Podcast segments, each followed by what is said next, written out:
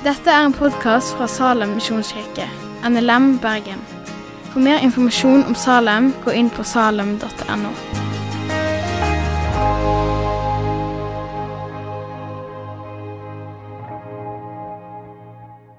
Takk. God søndag og god pinse, alle sammen.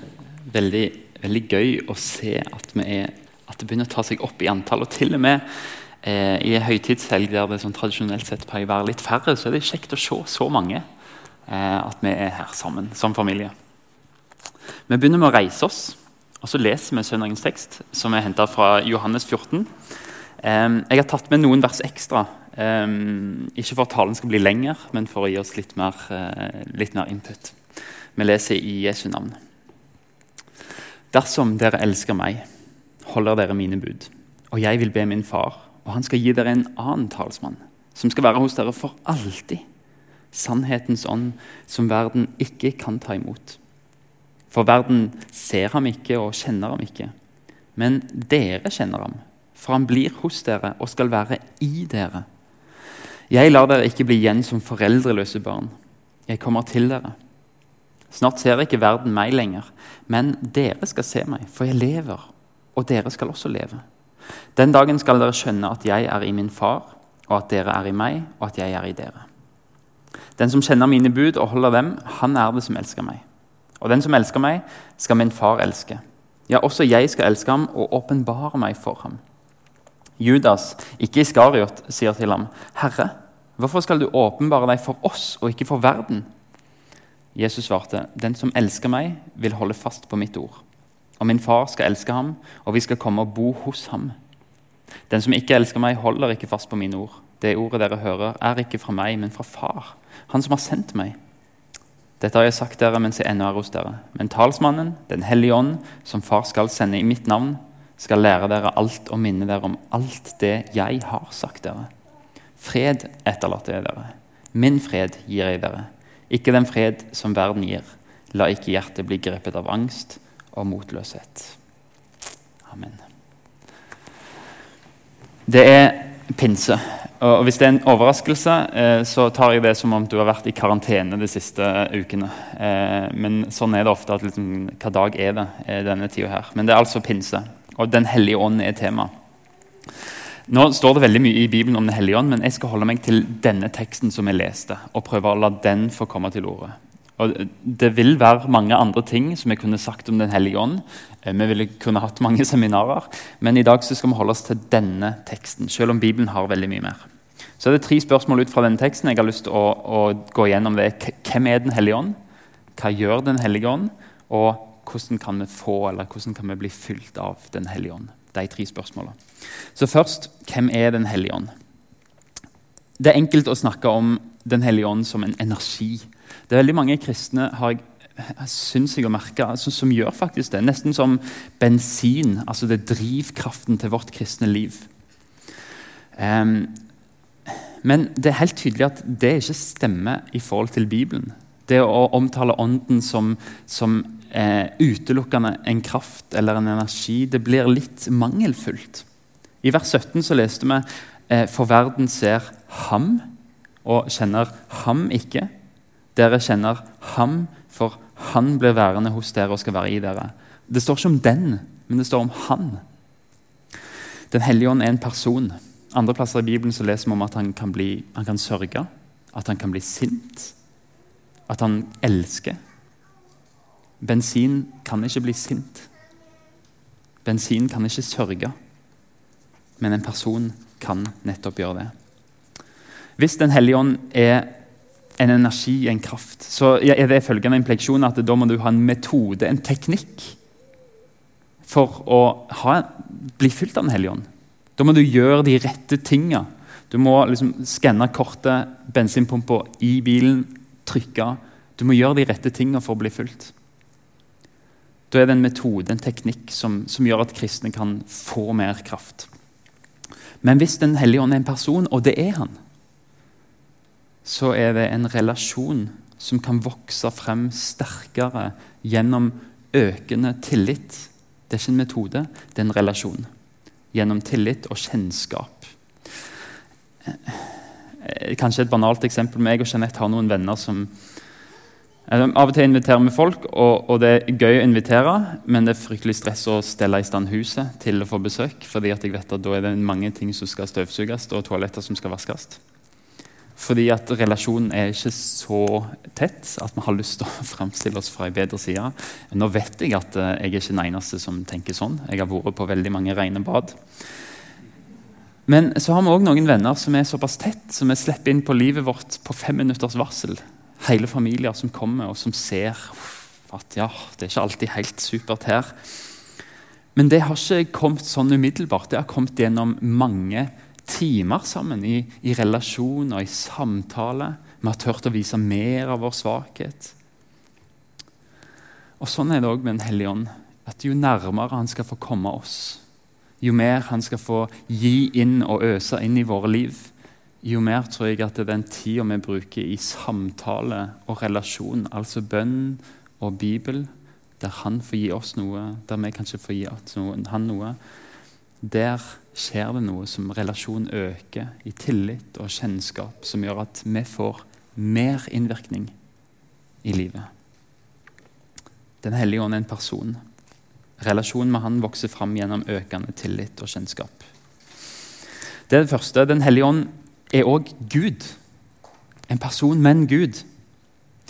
Jesus ga seg ut for å være Gud. Han snakka som om som om Gud i Gamle testamentet. Han oppførte seg som Gud gjorde i Gamle testamentet. Og det gjorde at jødene egentlig hadde et veldig problematisk forhold til han, og ville nettopp korsfeste Jesus, for han gjorde seg som Gud. Altså han, han fremstilte seg som Gud.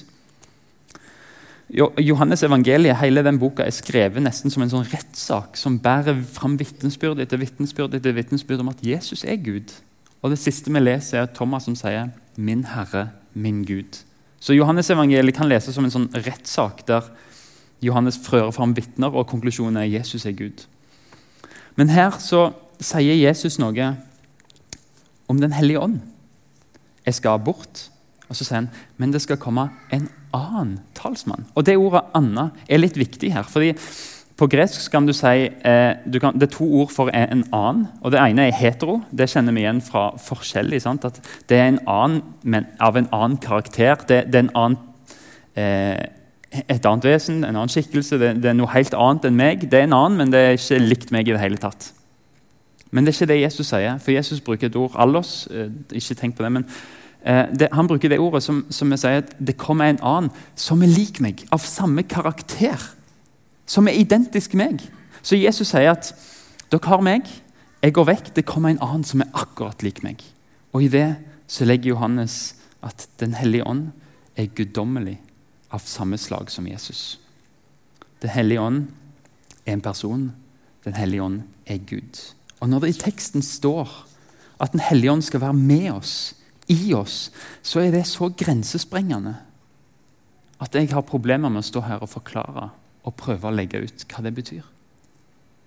Den treenige Gud bor i kristne med en personlig relasjon, en personlig tilstedeværelse i våre liv gjennom Den.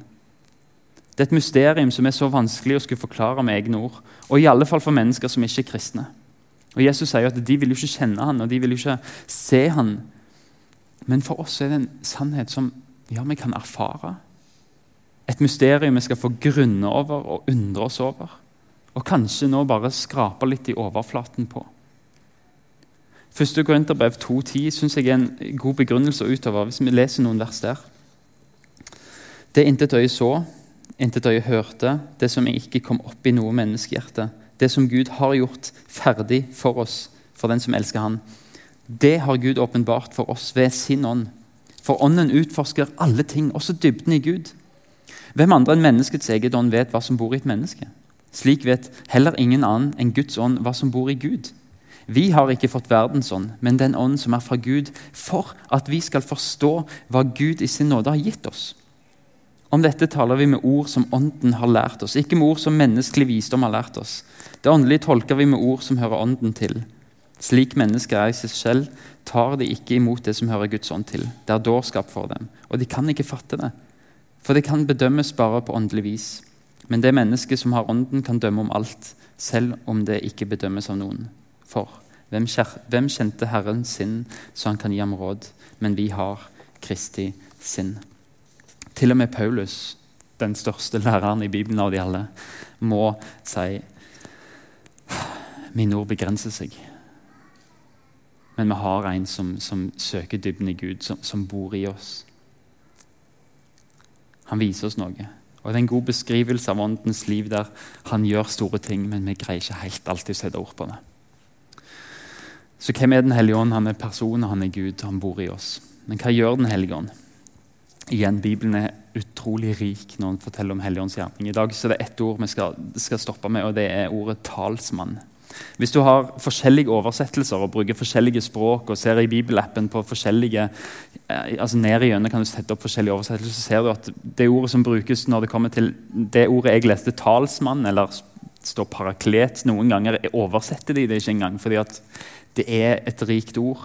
Men noen ganger oversatt hjelper eller trøster, venn, advokat. Og Hvis du går til ordbøker og bibelkommentarer, så kan de liksom vise litt mer. og de sier at det kan være en som motiverer soldater i krig, som kommer inn og sier Kom an, vi har noe, Gi alt. Liksom, dette for nasjonen. Dette for, altså En sånn som motiverer i krig. En som forsvarer, en forsvarsadvokat eller et hovedvitne i en rettssak. Talsmann. Jeg skal ikke oversette det for deg, for det betyr alt dette pluss mye mer i ett ord om Den hellige ånd. Og Da begynner vi å forstå dybden av det Den hellige ånd gjør i oss. Men de fleste er enige om at dette er en juridisk term. Det handler om rettssak, det handler om rettssystemet. Det, og det betyr egentlig å være kalt til å gå ved siden av. Det er ordet altså tilkalt for å gå ved siden av. Og spørsmålet er ikke, Det, det viktigste er ikke liksom at han går ved siden av, men, men, hva gjør Den hellige ånd ved siden av meg? Hva gjør Den hellige ånd når han er kalt til å være med meg? Jo, han er rådgiver. Det, eh, kunne, kanskje er det noen av dere som har vitnesbyrd på det etterpå, hvordan Helligånd har vært rådgiver inn i deres liv. Eh, det vil vi veldig gjerne høre og, og dele med hverandre. Men han er òg en forsvarer. Ikke nødvendigvis overfor Gud, men overfor verden. Som kan, eh, hans sverd er ordet, Åndens sverd er ordet, som, som kan liksom hjelpe meg med ord og si når du blir angrepet her, eller når du kjenner deg herfra, så, så her trøst deg med disse. Forsvar deg med disse ordene. Han er et vitne, et hovedvitne. Um, det skal vi lese litt om i Romerne 8 etterpå. Men så er han òg en trøster. Og da har jeg lyst å bare lese Jesaja 40. Jeg vet ikke om vi har det på skjermen, men, men Jesaja 40 vers 1 så, det, det, bare passer så veldig fint i, i, hva Den hellige ånd gjør, og spesielt med tida vår. Men Gud sier trøst. Trøst mitt folk, sier deres Gud. Tal til Jerusalems hjerte og rop til henne. Og Dette er rop fra, fra Bibelen og dermed også, tror jeg, fra Den hellige ånd til en menighet som kanskje går gjennom tunge tider. Eller en, enkeltpersoner. Og Dette, dette er ropet, trøsteropet fra Gud, fra Den hellige ånd. Din strid er fullført. Din skyld er betalt. Du har fått dobbelt fra Herrens hånd for alle sine synder. Rydd Herrens vei i ødemarken. Jevn ut en vei i ødemarken for vår Gud. Og så kommer budskapet at Messias kommer. Men er ikke det Hellige Ånd som, som, kan rope det inn i våre liv? Striden din er fullført. Skylden din er betalt. Sånn er Den hellige ånd en trøster som kan få disse sannhetene til ikke bare bli ord Kristian sier, ord vi bare leser svart-hvitt, men Den hellige ånd kan gjøre de ordene ekte for oss og sanne, og kan gjøre det som trøst. Den hellige ånd er en venn som går ved siden av oss, som forsvarer oss, som gir oss råd. Du kan oppleve deg som foreldreløs, står det i teksten. Men Jesus sier jeg vil ikke at dere skal være foreldreløse barn. Og Vi vet jo en del om hva som skjer med barn som mister foreldre, hvor traumatiserende det kan være. Og Jesus, når han for opp til himmelen, så var ikke det en sånn Nå reiser en kompis eller nå reiser en, en, forbilde. Men, men, Jesus oppriktig hadde en relasjon med disiplene der han visste at de kommer til å erfare å bli foreldreløse, traumatiserte. Hva gjør vi nå i en verden med denne troen der vi ikke har Jesus lenger? Så vi Jesus, Dere har, dere har meg. Jeg bor i dere gjennom Den hellige ånd. Du kan oppleve deg som foreldreløs, men Den hellige ånd er med. Den treenige Gud er i oss og hjelper i svakhet. La oss lese nettopp det fra Romerne 8.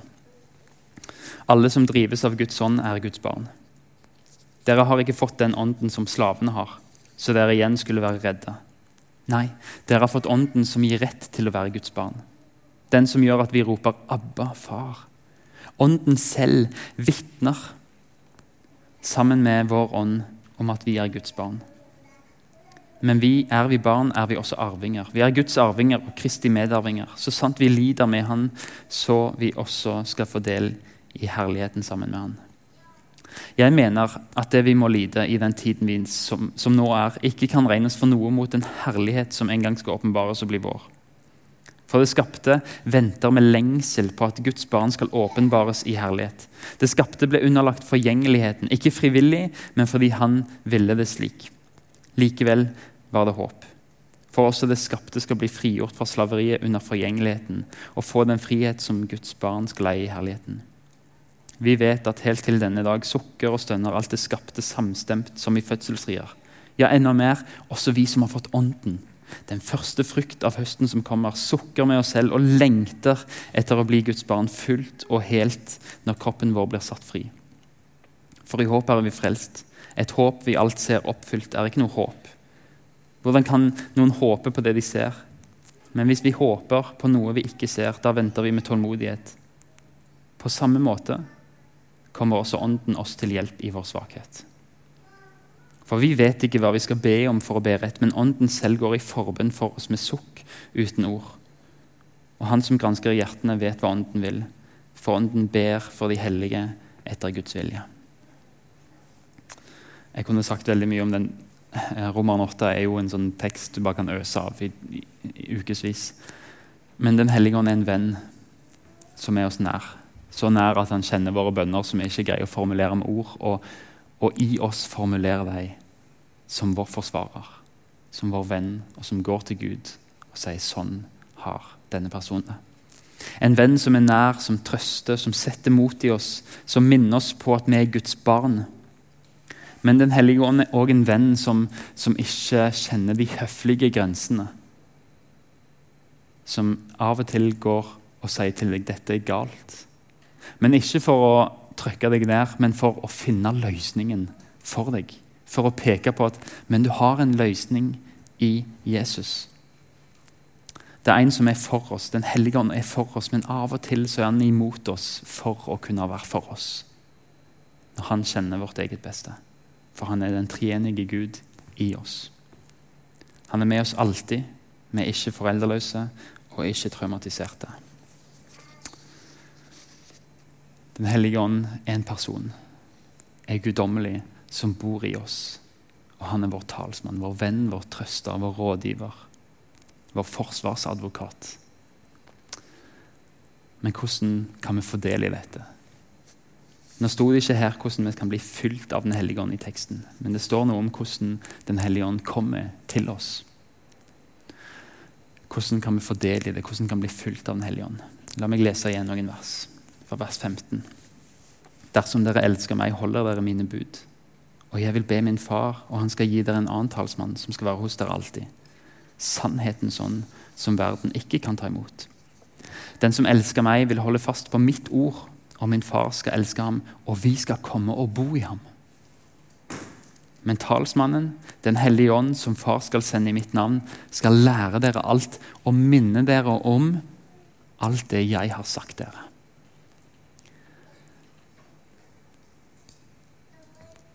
Det bekymrer meg av og til når jeg ser at Den hellige ånd blir løsrevet fra Bibelens ord. Det er da vi gjør Den hellige ånd til en kraft uten munn. Uten input. Men som omtrent bare er til for oss. Den hellige ånd er uløselig knytta til Jesu ord og til det å følge Jesus. Ånden er en kjærlighetsgave som Jesus gir til de som står i et kjærlighetsforhold til ham. I Johannesevangeliet så er kjærlighet uttrykt ved lydighet. Og Det gjelder for oss i vår svake lydighet og vår lunkne kjærlighet til Jesus. Men det gjelder også for Jesus i hans trofaste kjærlighet og, og lydighet på tross av alt. Kjærlighet uttales lydighet hos Johannes. Men likevel så er Den hellige ånd Jesus som gir til oss fordi han elsker oss. Det er ikke noe vi fortjener, men det er den kjærlighet han vekker i oss, som gjør at vi ønsker å ta imot. Den hellige ånd både vekker kjærligheten i oss og kommer gjennom og hjelp oss til å vekke den kjærligheten og vokse den kjærligheten. Så vi kan ikke si hva kommer først, liksom, egentlig. Kommer det å ta, holde fast på ordet, eller kommer Den hellige ånd først? For jeg tror de kommer sammen, de to. Det er sånn høne-egget-prinsippet. Det vil si, for å få del i den andre talsmannen, i Den hellige ånd, så må vi først forstå og kjenne den første talsmannen. Og I Johannes, 1. Johannes brev, kapittel 2, vers 1, så står det om Jesus som den første talsmannen. Mine barn, dette skriver jeg til dere for at dere ikke skal synde. Men om noen synder har vi en talsmann hos Far, Jesus Kristus den rettferdige. Dette bildet er en rettssak i himmelen, en rettssal der du står på tiltalebenken. Og der Jesus er din forsvarsadvokat. Og som står der med sin naglemerka hender, sin knuste kropp og, og, og, sår fra blod som har rundet. Og så sier han, 'Far, straffen for denne personen er betalt. Jeg krever full frifinnelse.' det er vår talsmann i himmelen. Det er Jesus. Og når vi forstår hva det betyr for oss å få erfare det,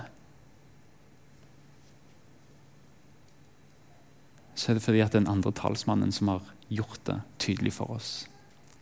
Så når vi utsetter oss for ordet, for evangeliet, og lar det tale til oss, så er det arbeidsarenaen til den andre talsmannen, til Den hellige ånd, som får fotfeste og som får mer plass i livet.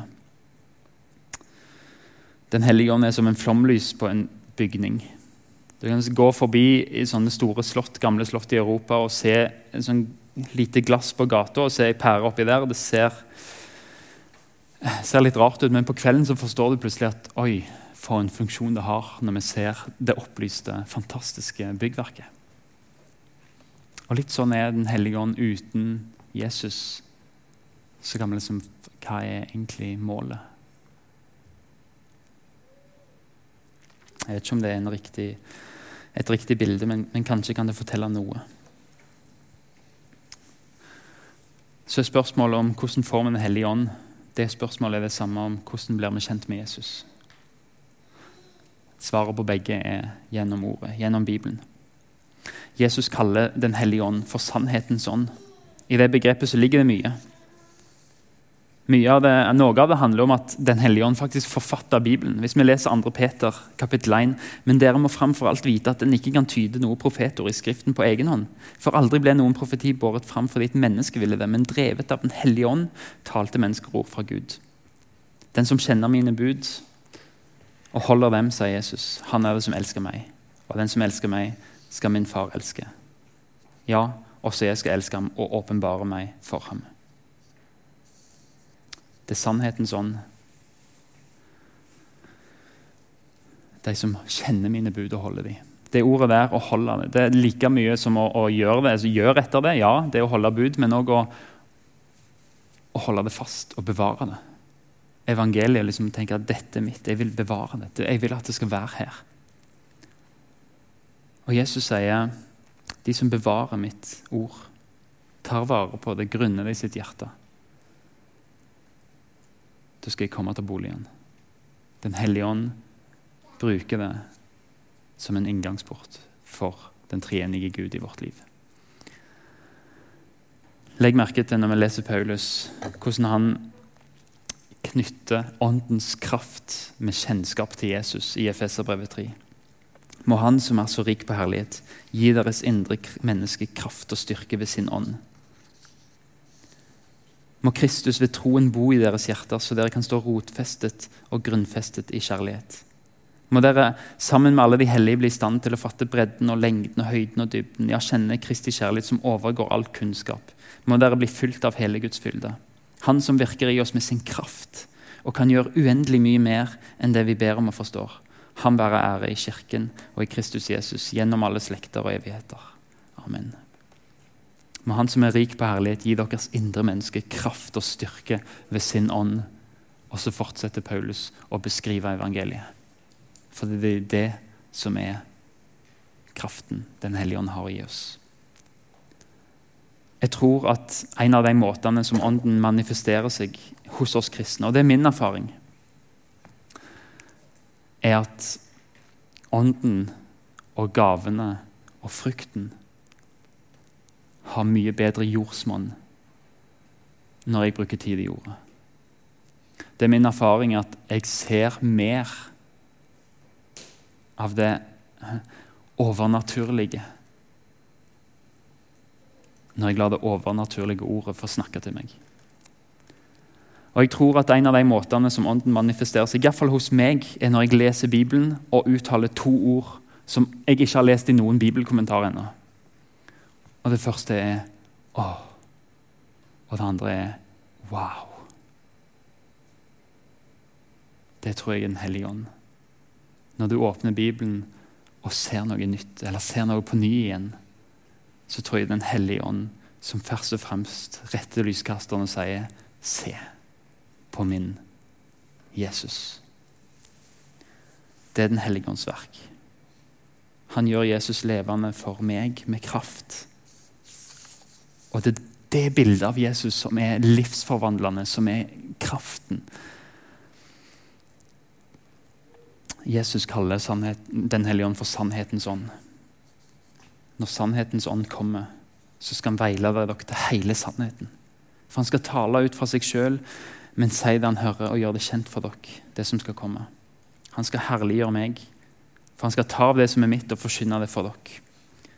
Jesus sier Helligånden ånd er sannhetens ånd. Og I neste kapittel så definerer Jesus hva er sannhet. Hellige dem i sannheten. Ditt ord er sannhet. Så det Jesus sier når Helligånden er sannhetens ånd, så sier han det er Guds ords ånd. Det er Den hellige ånd som gjør ordet levende for oss.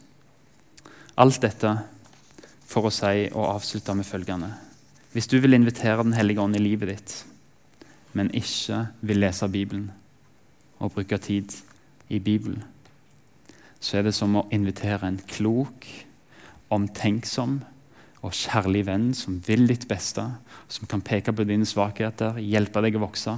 Det er som å invitere den på besøk og si 'Vær så god, sett deg ned. Ikke si et ord.' Se for deg det bildet. Det er Den hellige ånd som ikke får tale til vårt liv. Ånden og ordet er uløselig knytta sammen. Og som jeg starta med å si, det er mye mer om Den hellige ånd. Men jeg tror det er det denne teksten vil si til oss i dag. Og Vi kunne hatt andre tekster, søndagens tekst er satt. Og så hadde jeg lyst til å i fall dele det at Ånden og Ordet er uløselig knytta sammen. Han er ordets forfatter. Han er ordets levendegjører i oss. Og han gjør at ordet får kraft i oss. Implikasjoner av dette. Vi ser Jesus tjene oss med å dø for oss. Den hellige ånd tjener Jesus. Gud er ikke selvopptatt, Vi er opptatt av andre. Jesus er opptatt av å herliggjøre Faderen. Helligånd er opptatt av å herliggjøre Jesus. Og så er det vårt forbilde. Ta det videre. Inn i videre. Vær sånn. Den andre implikasjonen er hvis du føler deg som en avvist og mislykka kristen, og du kjenner at du trenger en forsvarer. Du skulle gjerne hatt en som gikk ved siden av deg, men du har en. Du har en i himmelen når du synder, og du har en på jord som går med deg, og som vil tale til deg, som vil åpne, som vil ha en åpning inn i livet ditt gjennom Bibelen. Du har det du trenger. Det tredje hvis du vil ha kraft i kristenlivet. Så gi den personen som har kraften, en arena gjennom å åpne Bibelen. Skal vi be. Herre Far, ditt ord er sannhet. Hellige oss i din sannhet. Din ånd er sannhetens ord. Men han kommer og gjør den sannheten levende for oss. Amen. Takk for at du har hørt på podkasten fra Salem, Bergen. I Salem vil vi vinne, bevare, utruste og sende.